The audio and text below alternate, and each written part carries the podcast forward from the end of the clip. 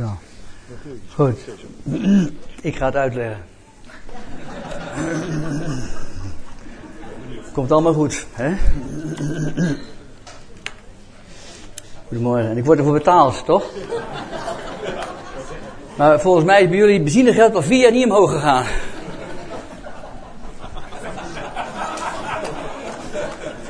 Goed.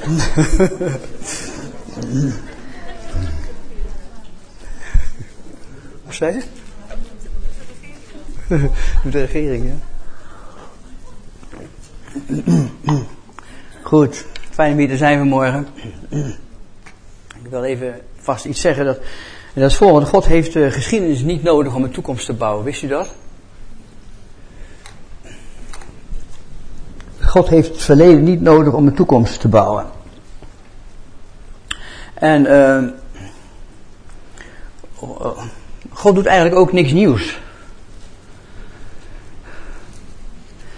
Dat wil zeggen, er is geen nieuws onder de zon. En in heel profetische denken zeggen wij graag van, God doet iets nieuws. Dan kun je elkaar net zoveel lekker maken als je wil. Maar uh, er is niks nieuws onder de zon, zegt de Bijbel. Maar er kan iets nieuws zijn voor u of voor mij vandaag. In ons denken, in wat we horen, in wat we ervaren en in wat we beleven. En dan heet dat openbaring.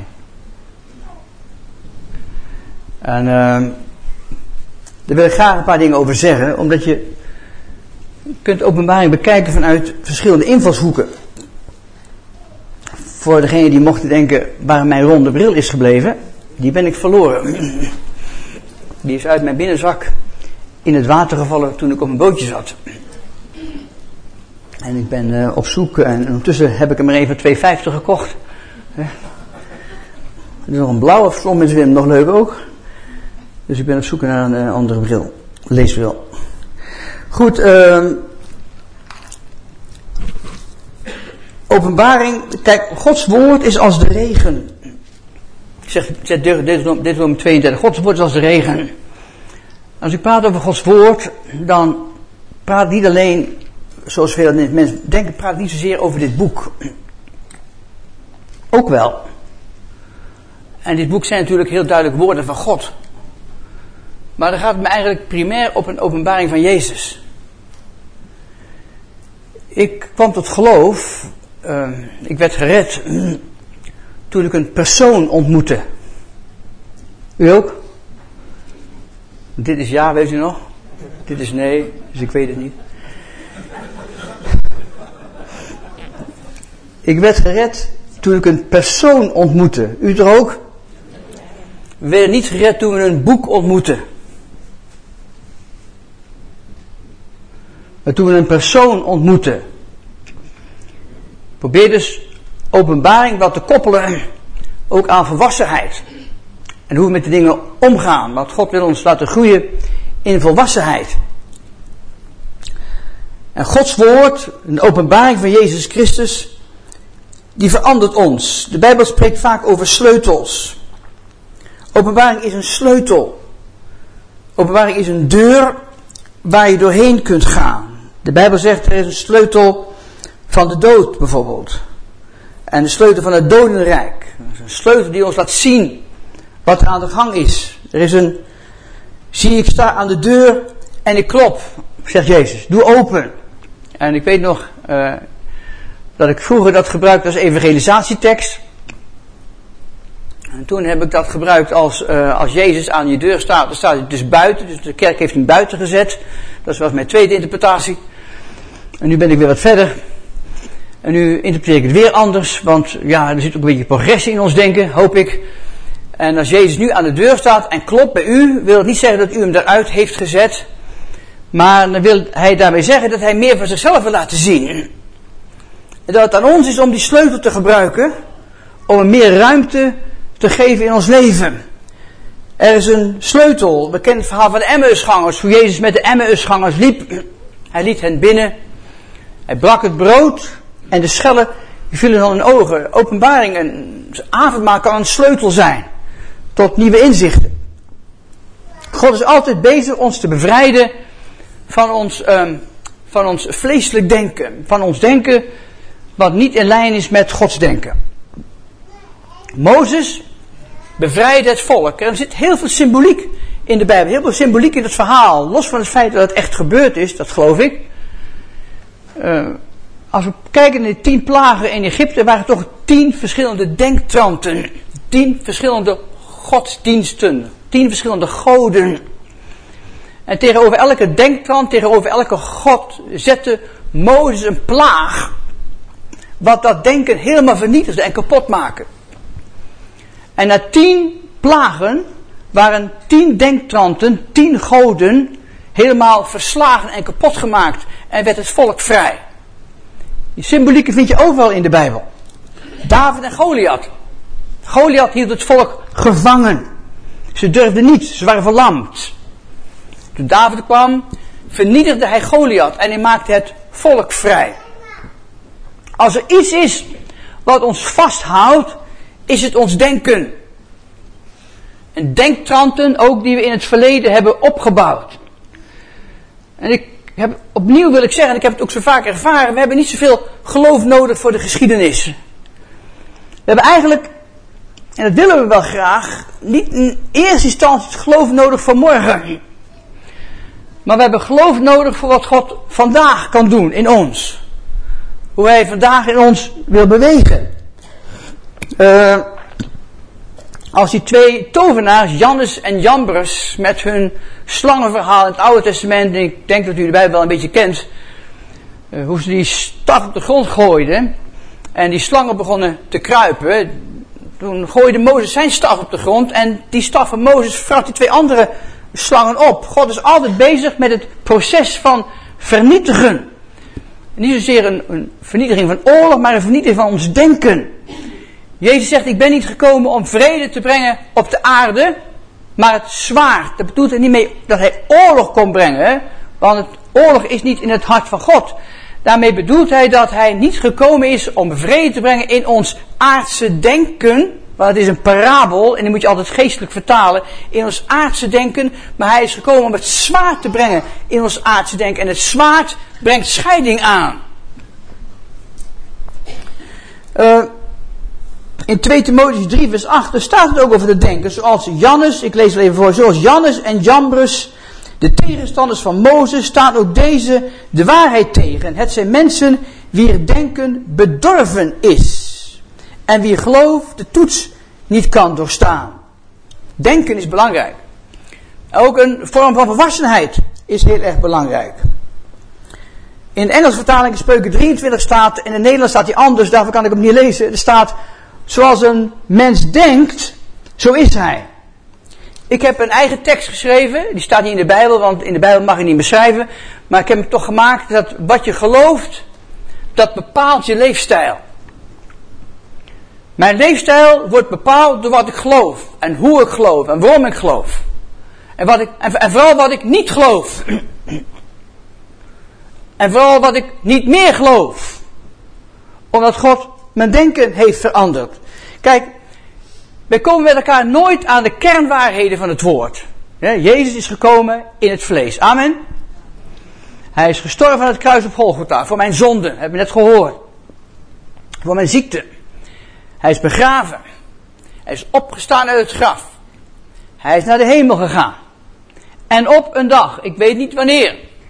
Ik weet ook niet hoe. Sommige mensen weten dat. Ik weet het niet. Weet ook niet waarom. Maar één ding, verschijnt hij op een dag, op een moment, verschijnt hij in al zijn glorie. Amen? Geloof je dat? Ik geloof persoonlijk, en sommige mensen denken dat ik dat niet meer geloof, maar ik geloof dat wel. Er wordt genoeg over me geschreven natuurlijk, maar sommige mensen, ik geloof nog steeds dat er een, een interventie van Jezus Christus nodig is om het helemaal volmaakt te maken. U ook? Oké.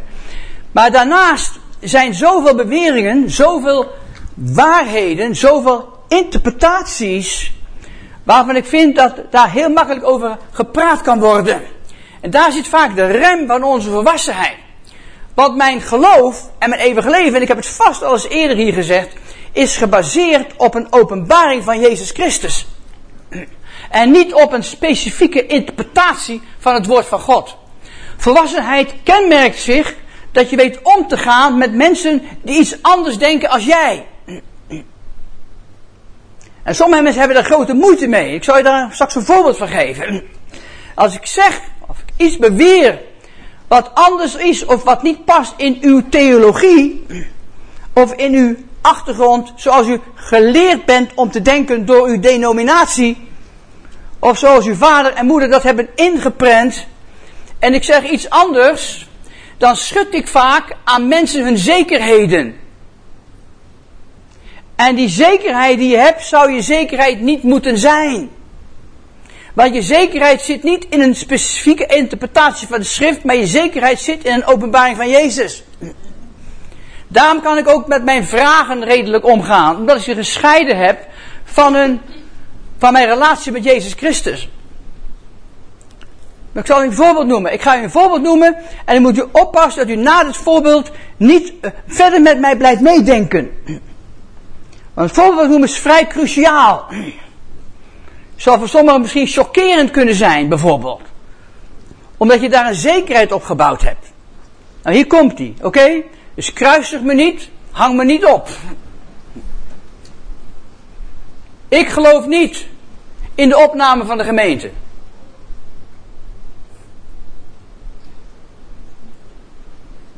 Wacht ik even.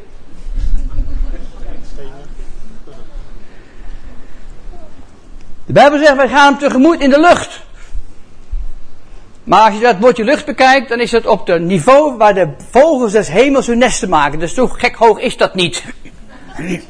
Dus als je op een, als je op een flat woont en je wordt opgenomen, word je naar beneden opgenomen. Maar daar gaat het even niet om. Moet je horen. Wat ik geloof is, en dat ga ik je maar uitleggen, is dat het moment komt dat Jezus verschijnt al zijn glorie en al die dingen gaan tegelijk. De, hij tilt dus op, nieuwe hemel, nieuwe aarde, orde, bap, bap, bap, in één, in één moment gebeurt dat. Dat dat is mijn mening. Nou, weet je waarom? Kijk, horen, die, die, die opname, die is 110 jaar oud, die leer. Die is, die is in de wereld geholpen door een man, die heet Darby. En vroeger had je een Darby-bijbel. En iedereen gebruikt die Darby-bijbel, dus iedereen leerde die theorie. Maar er zijn zoveel andere theorieën daarnaast. Je moet weten, ik moest op de, toen ik theologie studeerde drie hoofdtheorieën leren over de wederkomst van Christus. Eentje voor de grote verdrukking, eentje tijdens de grote verdrukking en eentje na de grote verdrukking zou die komen.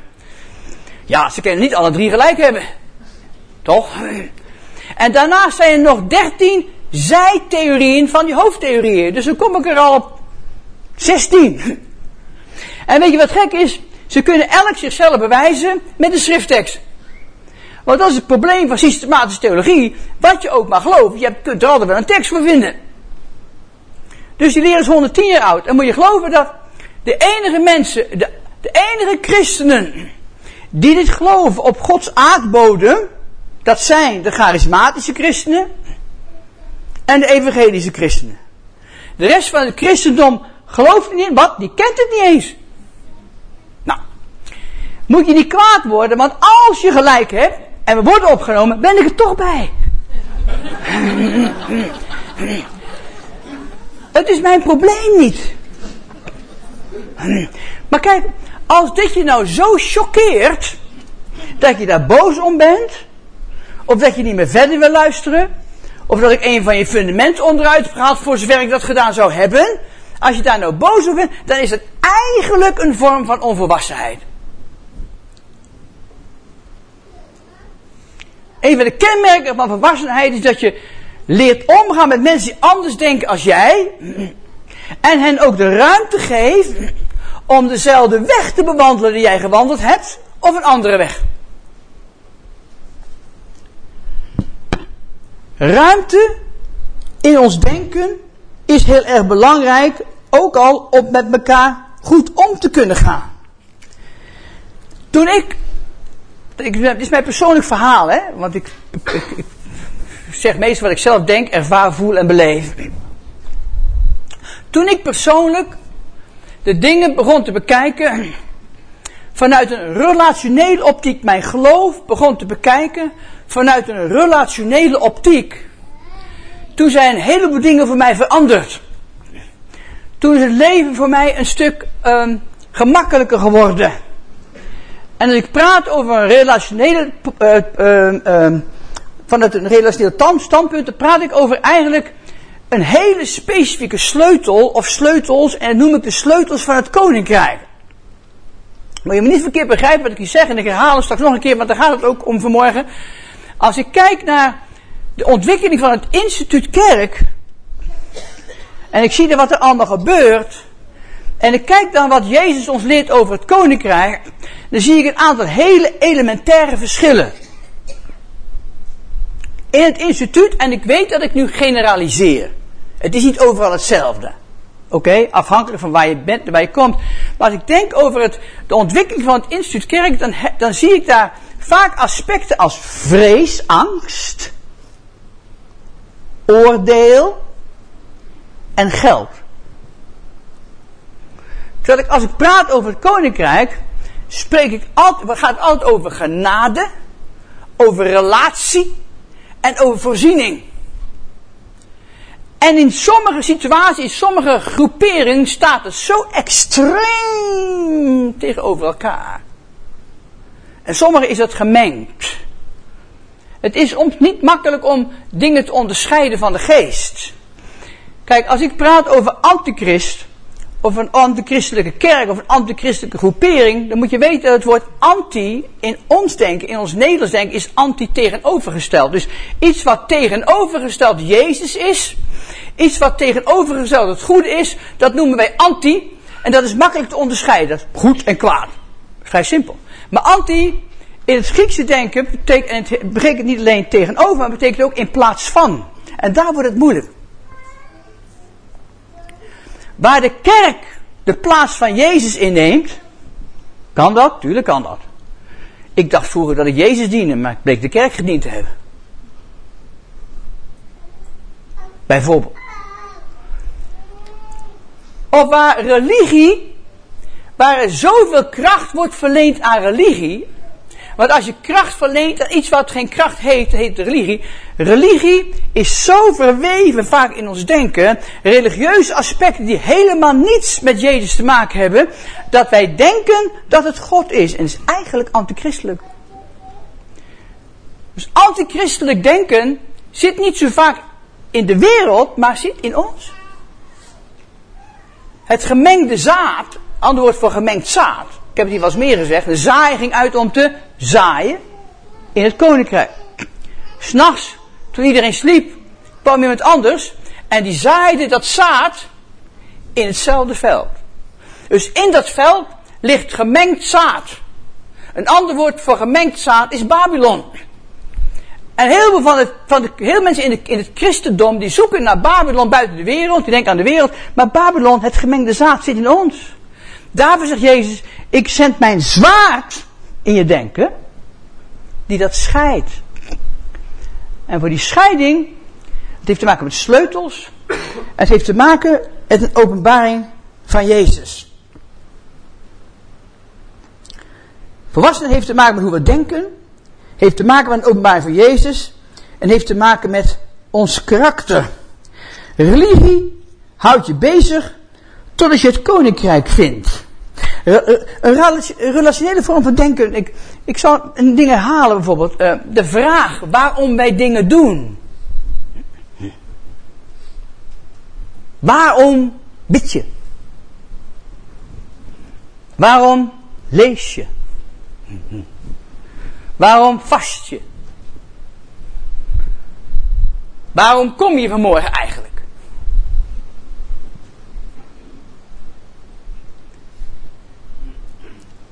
Ik heb daar wel veel over nagedacht, omdat ik heb ontdekt dat een heleboel mensen een heleboel dingen doen uit vrees. Niet meer vanuit relatie. Mijn vrouw en ik zijn 31 jaar getrouwd. Wij kunnen best naar Bos. Of 41, zeg ik toch? Wat zei je? Oh, 41. Zo snel gaat het nou.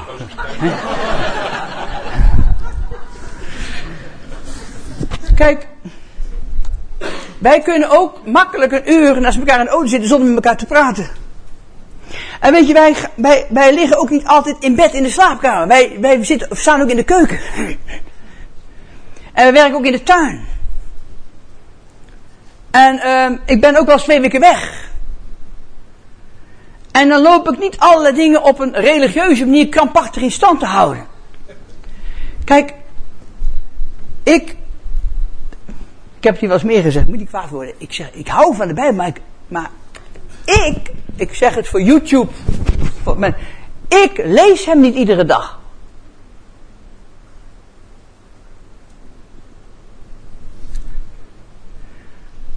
Als een slecht voorbeeld, moeder. Het is hoe je het bekijkt. Maar ik mediteer wel op het woord iedere dag. Ik ben wel altijd met Jezus bezig. Is het goed om gedisciplineerd je Bijbel iedere dag te lezen? Ja. En als je dat doet, stop er maar niet mee. Maar wees ook niet bang om één keertje over te slaan.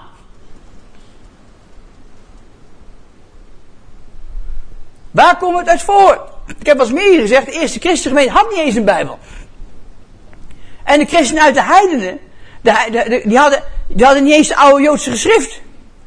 Die wisten nop. Ze konden niet eens lezen en schrijven. Hoe moet je dan lezen? Gisteren, ik moest er gisteren wat denken. Gisteren moest ik bij iemand op bezoek. Met jonge Paulus. En soms neem ik een Bijbel mee. Nu nam ik niks mee. Ik ging zo op bezoek. En ik dacht onderweg. God, dollig had je je Bijbel niet mee moeten nemen. Um, om, om een stukje te lezen bij de zieken. En ik was net op God tegen me zei van. Ik vraag me af of, of de apostel Paulus altijd een Bijbel bij hem had als je iemand ging bezoeken.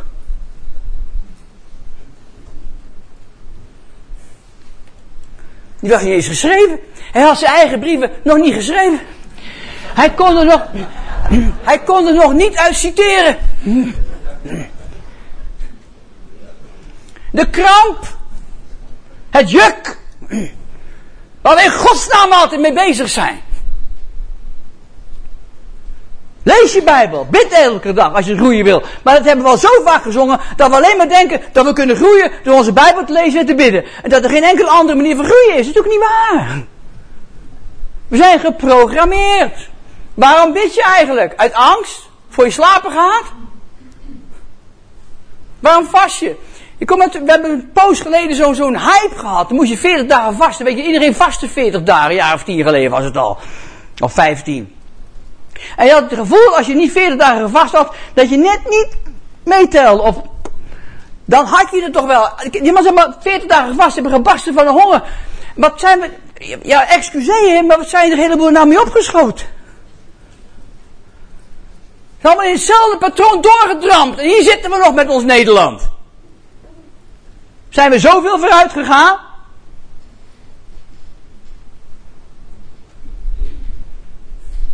Alsof we denken dat we door te vasten God kunnen manipuleren. Dingen gedaan kunnen krijgen. Facebook. Ik zit ook op Facebook. Word je opgevraagd om te bidden.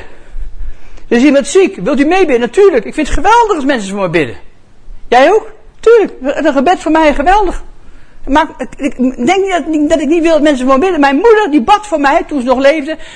Zeker voor, uh, mijn moeder stond zeker voor twintig mensen die voor mij baden. Zoveel bad dat mensen voor mij. Toen ging ze dood.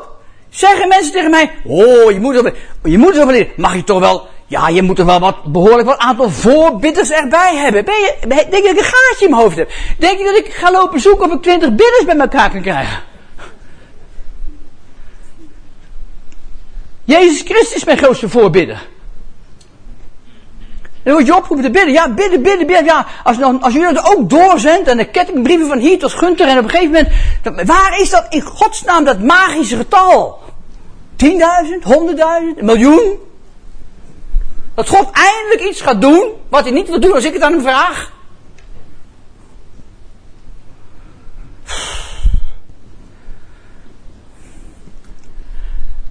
Mijn relatie, dingen bekijken vanuit het relationele perspectief, heeft voor mij dingen veranderd.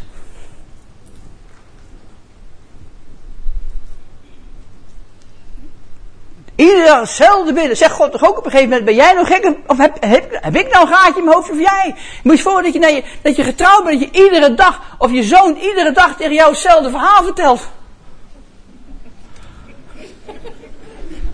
Je hebt mensen die binnen drie keer het Onze Vader per dag. Je moet ervoor dat je zoon drie keer per dag met jou bij hetzelfde verhaal komt.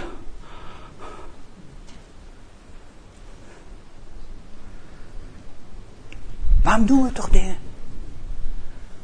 Angst, dat, we, dat we recht lopen en net voordat, we, net voordat we naar bed gaan een fout maken en dat er Jezus dan s'nachts komt, dan zijn we er net niet bij of zo. Is dat nou onze, is dat nou, is dat nou de relatie die ik heb? Als ik onderweg ben, ik bel mevrouw één dag niet op, dat ze dan boos is of zo. Ze zegt, wat bel je nou weer? Je hebt gisteren nog gebeld uit Egypte of uit Afrika.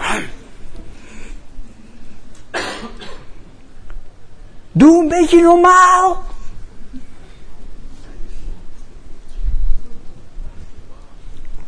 Koning van God. Weet je, dat betekent niet dat ik alles begrijp. Ik was in Egypte, toen zei iemand, gaat iemand boos geloof ik. Was ik in Egypte, toen zei iemand, dat heb ik ook, uh, er zat een groep mensen naar mij te kijken, was, ik had gesproken en ik keek en aan het eind van de dienst moet het altijd gebeuren, hè? toch? Het eind van de dienst is de uitnodiging, het eind van de dienst zijn de profetieën, het eind van de dienst wordt de muziek gebeden, nooit vooraf, nooit midden, altijd het eind. Dus zo zijn we geprogrammeerd, zo doen wij kerk. Dus zit allemaal naar me te kijken, ik heb Amen gezegd en kijken. En weet je, ik heb ontdekt dat een van mijn grootste, aan, uh, mijn, een van mijn grootste aanvechtingen is, zijn de verwachtingspatronen van mensen na de dienst. Er wordt van alles van me verwacht. Daar ben ik ook van afgestapt. Dus ik zit er verder ook niet mee. Maar die keken ze naar mij. En ik keek, ik zei, en ik zei, heb ik nooit gezegd, ik zeg, wat willen jullie nou van me? Zeg me nou eens wat je van me wilt.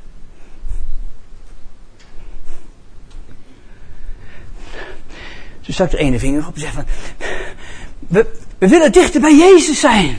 Ik zeg, ik ook.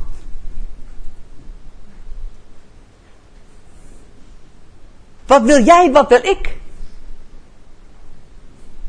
En ik begrijp de wanhoop, heus wel. Ik begrijp de uitzichtloosheid in het leven van heel veel mensen. Zeker in landen waar ik kom. Maar ik doe ook oproep op volwassenheid. Waar staan we nou? Hoe leven we nou? Hoe is onze relatie met Jezus? Dus ik, maar, ja, ik wil het ook, maar ik zeg maar, ik zeg, kijk, ik ben van mening, je, hebt, je, hebt, je kan beter Gods hand op je hoofd hebben, op, op je hart hebben als mijn hand op je hoofd, dat is punt één. Hoewel ik hem graag op je hoofd wil leggen hoor, want ik geloof in gebed, ik geloof in interpretatie, begrijp me niet verkeerd.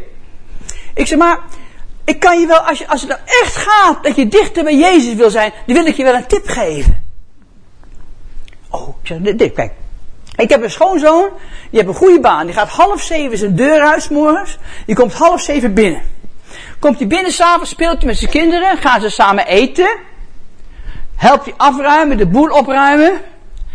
Helpt hij beginnen met huiswerk, brengt die gasten, helpt naar bed brengen. En als om half negen legt hij zijn voet op de tafel en dan is het gewoon klaar. Je zou toch nog een avond naar een bijbelstudie moeten?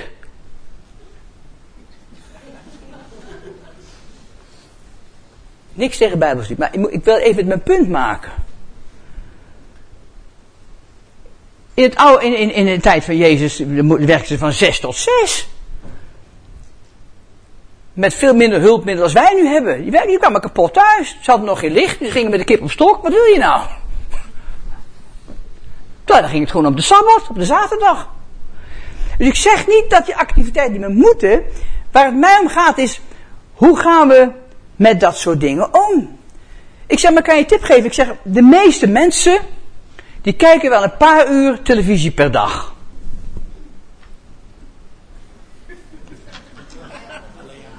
Of, toch? Want jij dacht dat je vanaf kon komen. Hé?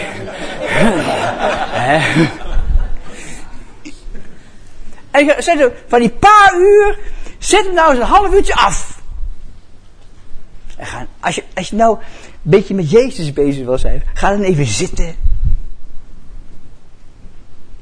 De Heer, even een half uur met u. Het kan me niet schelen wat je doet.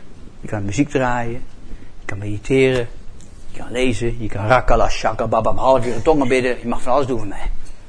Je mag zelfs in slaap vallen. Want hij geeft het zijn geliefde in de slaap. Een andere tekst zegt, hij geeft zijn geliefden de slaap. Dus hij geeft je de slaap en hij geeft het je in de slaap. Wat moet je nou nog meer? Zomaar, even een half uurtje hier, even nu, half uurtje met u. Even apart. Als je echt iets aan je relatie wil doen, hè, dan gaat het om die dingen. En niet om je religieuze plicht om vlak voor slapen gaan nog een tekst te lezen. Uit een Bijbel die naast je ligt. Of even laat uit angst wakker te worden omdat je nog niet gelezen hebt. Mensen, lees je gedisciplineerd, ga door. Ik heb mensen die heel gedisciplineerd iedere dag een hoofdstuk lezen. Geweldig, ga door. Ik vind dat ieder christen minimaal de Bijbel één keer van zijn leven doorgelezen moet hebben. Dus begrijp me niet verkeerd. Ik heb in Jezus ontmoet. Ik hou hiervan. Ik hou van het woord. Voor YouTube, ik hou van het woord. Maar de manier waarop wij met dingen aangaan, omgaan, heeft nou echt iets met relatie te maken. Ga je nou ook zo thuis met elkaar om? Ga je ook zo met je kinderen om? Lieve mensen, God geeft mij niet omdat ik hem geef. Hij geeft mij omdat ik van hem hou. Omdat hij van me houdt. Begrijpt u dat? Toen mijn kinderen nog niks voor me kunnen doen. Toen mijn kinderen nog niks aan mij konden geven. Betaal ik toch dat schoolgeld wel. En die schoenen. Omdat je van ze houdt. Omdat je verantwoordelijk bent. God houdt van mij. En hij is ook voor mij verantwoordelijk. We hebben een huwelijksverbond. God en ik. Jezus en ik hebben een huwelijksverbond. Wat van hem is, is van mij.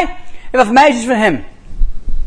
We hebben, we hebben, we hebben dingen beangstigd. Ik weet nog goed, ik heb het hier misschien wel eens eerder verteld. Toen ik tot Jezus kwam, zei ze, hadden ze altijd over zaaien en oogsten. Weet je nog? Als je, als je niet zaait, dan oogst je niet. Dus als je wat wou, dan moest je. Zaaien. En als je, als je, als je zo arm was als de rat, dan zei ze, je hebt vast niet genoeg gezaaid. Je moet meer geven. En weet je, op een dag ging ik het koninkrijk een beetje meer begrijpen. En toen zei Jezus tegen mij, we hebben een huwelijksverbond, joh. Wat voor mij is, is van jou. Wat voor jou is, van mij. Mijn vrouw en ik zijn getrouwd. Wat voor mij is, is van haar. Wat van haar is, is van mij. Toen we trouwden was niet veel. Nou is ietsje meer. Weet je, maar... Dus dat is een gegeven. En toen ontdekte ik ineens dat ik ook wat heb als ik niet saai.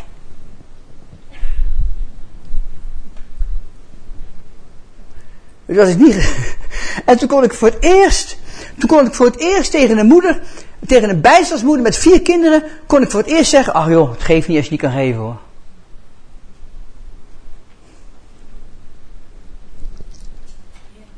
Ja? Ik geloof nog steeds in zaaien en oogsten, maar niet als enige principe. Geef niks, niks geven God zorgt toch wel voor je.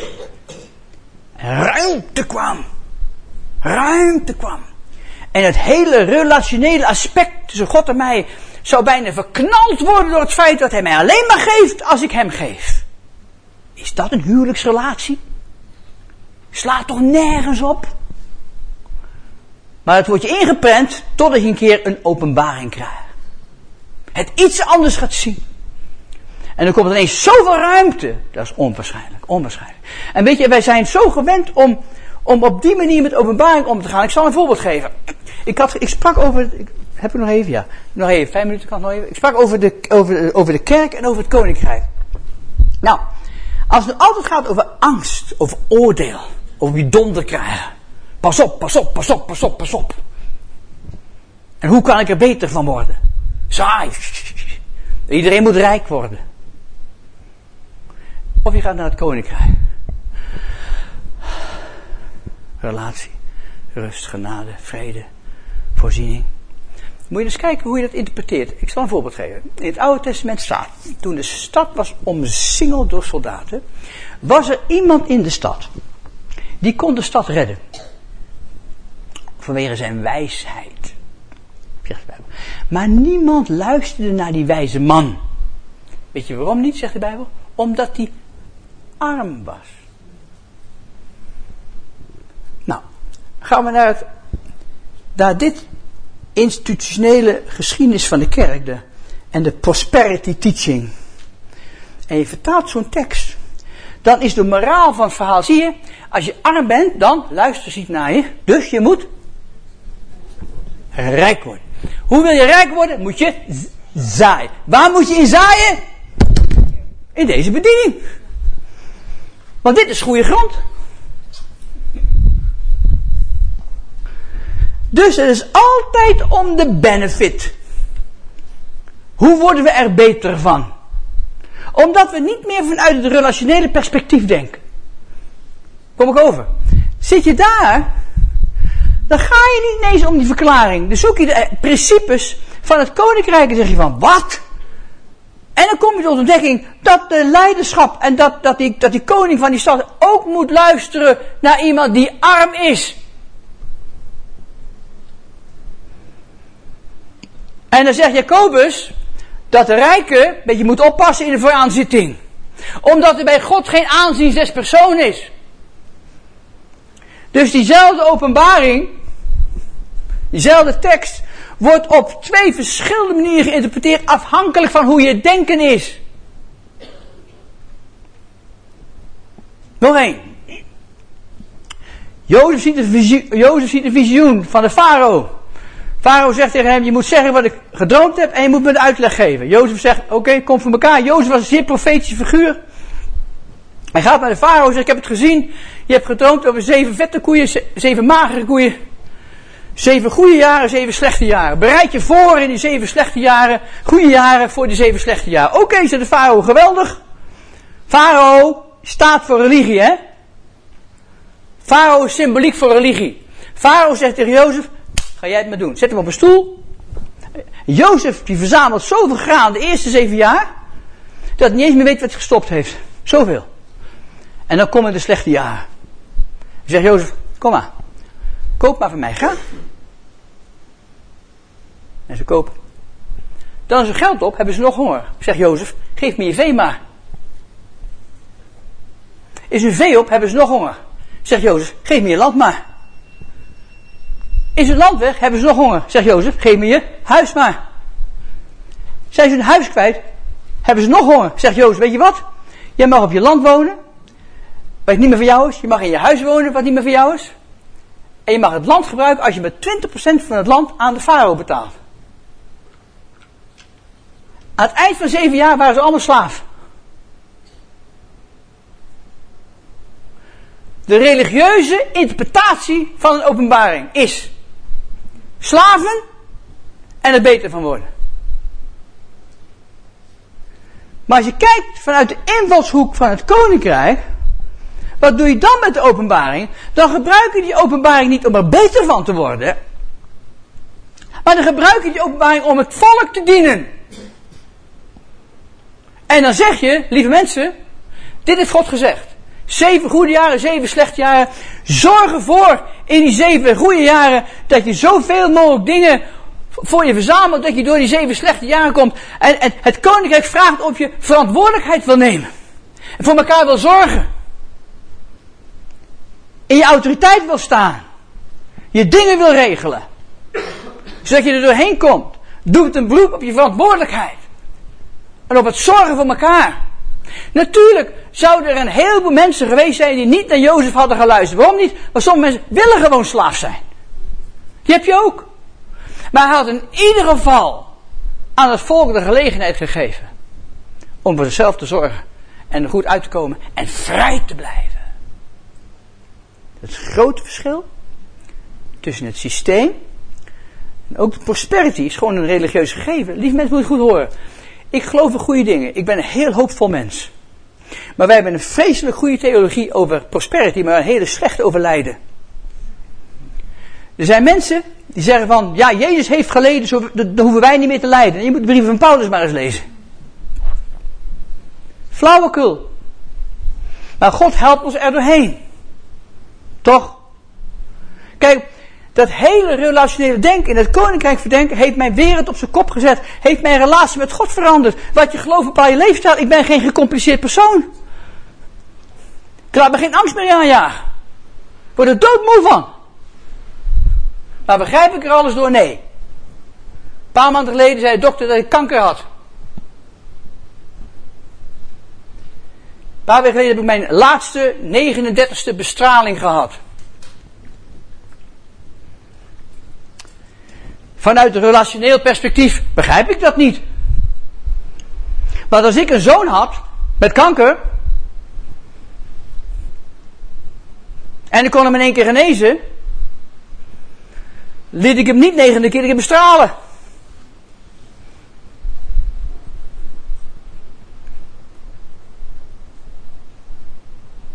Maar als ik iets niet begrijp, lieve mensen, is het nooit Gods schuld.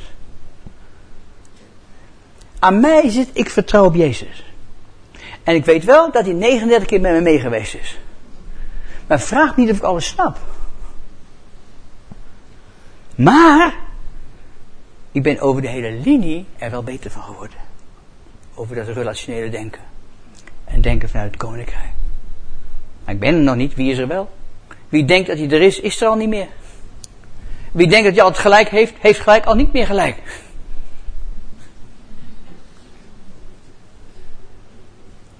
Ik heb dingen verkondigd vroeger, die verkondig ik niet meer. Daar heb ik zelfs mijn excuses voor aangeboden, weet je dat?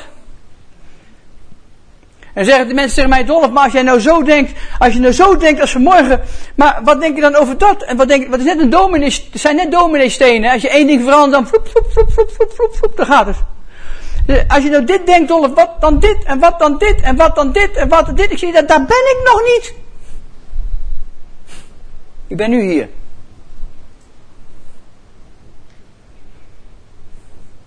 Ik ben nu hier met mijn relatie met Jezus. Ik denk nu na over het Koninkrijk van God. Over de bevrijdende kracht van het Koninkrijk van God. Wat jukken vernietigt. En denkt dan te veranderen. Lieve mensen, er is niets nieuws onder de zon, zei ik. Maar er kan iets nieuws zijn voor jou. Misschien heb je iets nieuws gehoord vanmorgen. Voor jou. Heb je een openbaring gehad. En die openbaring maakt je vrij. Dat is een sleutel die vrijmaakt. Ik heb u de sleutels van het koninkrijk gegeven. Jezus spreekt over de geheimenis van het koninkrijk en niemand snapt er iets van, staat er maar aan zijn discipelen, legde hij alles uit. Dat uitleggen in het Grieks betekent iemand vrijmaken van zijn kettingen met een sleutel. Wat Jezus zegt is het begrijpen van het koninkrijk. Begrijpen van die relationele perspectieven. Dat zijn sleutels om mensen vrij te maken. En aan ons is het vanmorgen om te kijken waar we staan. Waarom we lezen. Waarom we bidden. Waarom we... Ik zeg niet dat je niet moet bidden, hè. Maar je hele manier van bidden gaat veranderen. Je hele omgaan met God gaat veranderen. Ik ben met mijn vrouw soms praten met elkaar, tegenover elkaar over allerlei dingen. Maar soms niet. Maar we begrijpen elkaar wel.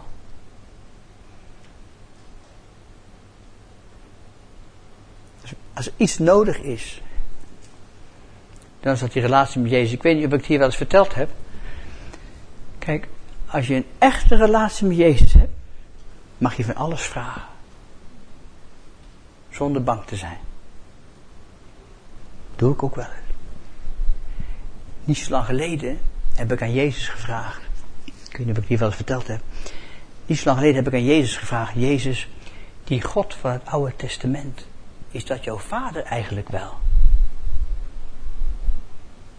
Heb ik eens gevraagd. Dat hebben jullie nooit gedaan, maar je hebt misschien wel eens gedacht. Weet je hoe ik erop kwam? Er kwam iemand naar me toe, die zei tegen mij, en daar schrok ik van, die zei, hm, ik denk dat God geen probleem heeft met genocide. Volkerenmoord. Ik zeg, wow, hoe kom je daar nou aan? Hij zegt, nou, hij doet niet anders in het Oude Testament. En ik dacht, ik dacht, ik dacht, ja, en dat heeft te maken met leren omgaan met anderen, hoe anderen denken. Hè. Je moet het vooral, je moet, kijk mensen, ik kan, ik kan iets heel overtuigend brengen, maar er is, ik zal, als ik, ik zal altijd, en dat is genade van God, ruimte creëren om te veranderen. Als iemand iets tegen je kan zeggen waardoor je denken verandert, waardoor je meer ruimte krijgt. Ik zit nooit zo vast aan mijn theorieën dat ik daar niet aan wil denken. Dus iemand tegen me zegt van, God doet niet anders in het Oude Testament, dan denk ik van, goh. En dan sta ik, ik zeg, ja, het is nog waar ook. Hij zegt tegen zijn volk, jongens, die lui in Canaan. Man, vrouw, kind, grijsaard, allemaal over de kling. Of niet? Of staat het er niet? Staat het toch? Nou, dus ik heb een vraag. Nou, moet. God is niet bang voor mijn vragen. En als je niet vraagt, verander je niet. En ik vraag alles. Dus ik zeg tegen Jezus, God eigenlijk wel. Is die God jouw vader eigenlijk wel? Nou kreeg ik geen antwoord. Maar ik heb het op zijn minst durven vragen. Op zijn minst durven vragen. En zonder antwoord kan ik ook heel makkelijk verder leven. Want mijn geloof is niet gebaseerd op interpretaties. Of een heleboel kennis. Maar mijn geloof is gebaseerd op een ontmoeting met Jezus Christus. Een relatie met Jezus. Zo simpel is het. Wat je gelooft, bepaalt je leefstijl. Zoals een mens denkt in zijn hart, zo is hij. En laat ik je dit vertellen. Je zult zien om je heen. Als je dit, dit dat denken van het koninkrijk pakt. Luister lieve mensen. Ik, heb, ik denk dat ik hier wel verteld heb, maar ik ga het hele verhaal niet vertellen. Maar er kwam iemand naar me toe die zegt van, uh, oh, ik ken nieuwe buren. Ik zeg, oh, ja, zeg maar, die nieuwe buren, dat is een heks. Ik zeg, geweldig. Ja, ik zeg, wat moet je nog meer? Die kinderen komen bij jou binnen, die kun je zegenen. Ze maar mijn kinderen gaan ook naar haar. Ik zeg, nou, denk je nu echt dat God niet meer macht is om jouw kinderen te beschermen? Wij zijn niet geroepen om bang te zijn. We zijn niet geroepen om iedereen maar te lopen waarschuwen met het domme vingertje van ons. We zijn geroepen om het koninkrijk van God te laten zien. Dus komt de vrouw naar me toe die zegt van, dat de vraag aan mijn master, ik zeg, ik, ben een master reiki, hoog niveau in de occulte wereld, in de New Age wereld. Als ik een christen was, een kerk, of christen, nee, een kerkmens was, zou ik zeggen, master reiki. Oh, pas op. Voorzichtig, moet je niet doen, dat is gevaarlijk. Dat wil God niet. En als ik dat doe, bouw ik gelijk een muur. Maar dat doe ik niet. Dus wat doe ik? Ik gaf er een profetie. Ik begon te huilen. En later gaf ze haar leven aan Jezus. Wij moeten geen muren bouwen, mensen. En niet bang zijn paranormale burger, weet je wel. Ik zie ze nog lopen, al die mensen omheen lopen met spandoeken. Iedereen loopt waarschuwen om er niet in te gaan. Als je dat moet doen, moet je dat doen. Maar ik ken iemand in België, Fernando, die huurt zelf een tafeltje daar. Die huurt een tafeltje in dat paranormale instituut. Moet niet iedereen dat doen, hè? dat zeg ik niet, hè? Want voor YouTube, niet iedereen moet dat doen. Maar die gaat daarin. En die bidt voor de zieken. En die profiteert. Mensen voor de genezen. Die denken, ja, ja, ze staan in rijen voor hem.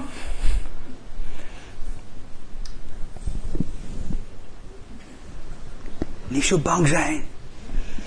God is altijd groter. Voed de duivel niet met je denken. Met het stof, met het stoffige denken in ons hoofd. Dat stoffige denken wat al 40 jaar, 50 jaar oud is. Voedt de duivel daar niet mee. Het voedsel van de sneek, het voedsel van de slang is het stof der aarde. Wij voeden ons met ons, met ons stoffige denken. Waar ons denken vernieuwd wordt. Veranderd wordt. Dan heeft hij geen vrede meer. En als iemand geen vrede heeft, dan gaat hij dood. Dan word je zo klein dat je moet zoeken. Die kant moeten we eigenlijk op. En wat er dan ook gebeurd is. Het heeft niet veel zin om te ogen naar de geschiedenis. Met de rompslomp en de toestanden die gebeurd zijn. En je, je pijn je verdriet. Het is allemaal, er gebeuren heel veel ellendige dingen. En die zullen hier ook gebeurd zijn. Soms is de ellende zelfs te snijden. Ik dacht niet dat ik gek was. Maar weet je, als je gaat praten en denken over het koninkrijk. En je gaat die ruimte in je denken creëren. Weet je dat het effect heeft op de mensen om je heen? Dan ben je ineens niet meer die christen die altijd oordeelt. Of die zo bang is. Dus laatst, mijn, mijn zoon moest in Tilburg de 16 kilometer hardlopen. Ik ben met hem mee geweest. Stond daar, kwam er een man naar me toe, van jaar 40, was ook, was, ook, was ook een voorganger. En die werkte ook in de fabriek.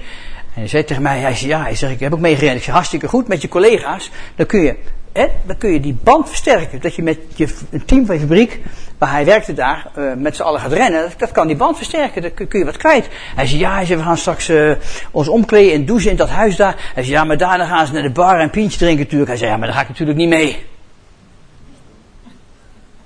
Ik zei, hoezo niet? Ik zeg, ja, als jij, kijk, misschien als je eens een keer een pint met ze drinkt, dan creëer je nog meer uit. Of vind je dan ook dat je gelijk over het evangelie moet praten in die bar? Kan, het hoeft niet. Hij zei, oh, oh, dus wat ik zeg, je vindt eigenlijk dat het religieus is? Ik zeg, precies. Zo religieus als de neten.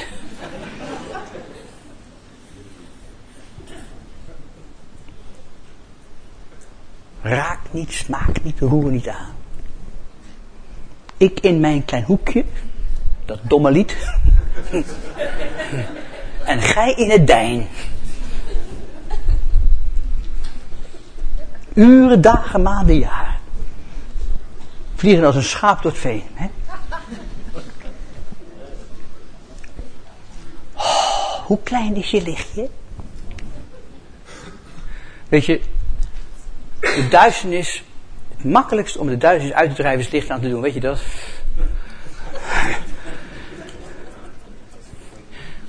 We zijn maar, met die we zijn maar bezig die duisternis uit te drijven. Als je je licht aan doet, is het toch weg.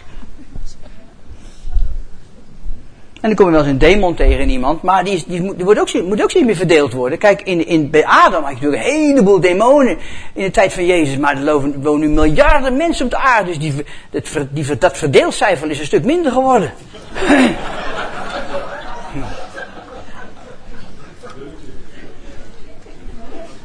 Houd erop, lui. Ja, of er moeten nog steeds gemaakt worden, dat kan. Misschien creëren we ze wel zelf hoor, dat weet ik niet. Demonen moet je uitdrijven. Ik, ik, ik geloof dat het demonen zijn, begrijp me niet verkeerd. Maar jongens. Dat is raar. Want, want demonen, ja, die heb je gewoon. Maar weet je dat je heel veel demonen niet hoeft uit te drijven? Die verdwijnen als je je denken verandert. Demonen van angst, van vrees, van depressie. Die kunnen gewoon verdwijnen als je je denken verandert. Een van de meest krachtige vormen van bevrijding. Zit in openbaring. Ik hoop uit heel mijn hart dat we hier weggaan vanmorgen, vanmiddag. Jullie beginnen trouwens op, een onchristelijke tijd om half tien. Ik moet dan nooit zo ver rijden en vroeg weg als, als bij jullie hier. Ze zeiden, ja, maar dan zijn we om één uur thuis, zei de reden. Ja, dan ben je er tenminste vanaf, hè. Dan heb weer een goede zondag. Dan heb je nog wat aan je dag. Hè?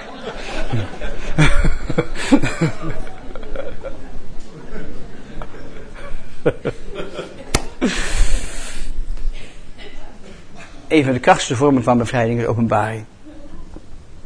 En het ligt niet altijd in de diepe openbaring. Diepe studies zijn belangrijk, zijn ook leuk om te doen. Het heeft gewoon met het leven te maken.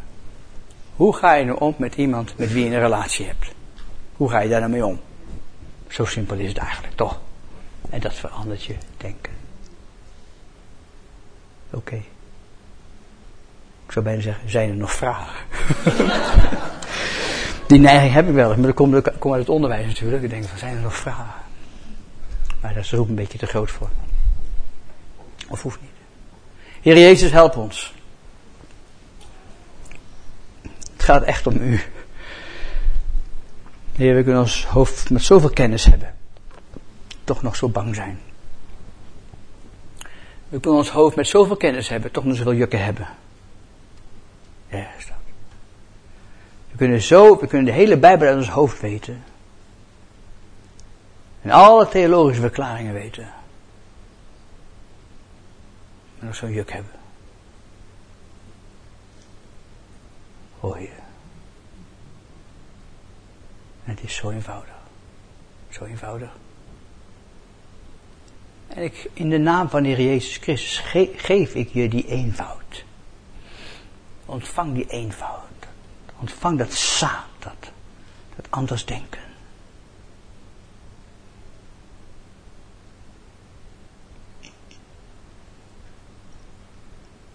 Heer, dank u voor vandaag.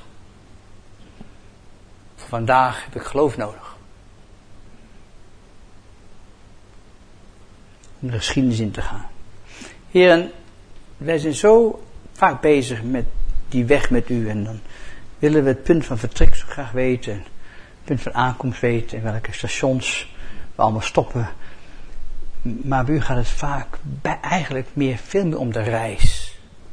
Dan ons om vertrekpunt en ons aankomstpunt. En ik dank u Heilige Geest dat u met ons op reis bent. En dat Jezus, dat u volgen, niet altijd betekent dat we helemaal weten waar we heen gaan. Maar het wel betekent dat we vertrouwen. En dat we met elkaar daar komen waar u wilt dat we zijn zullen. In Jezus' naam. Amen.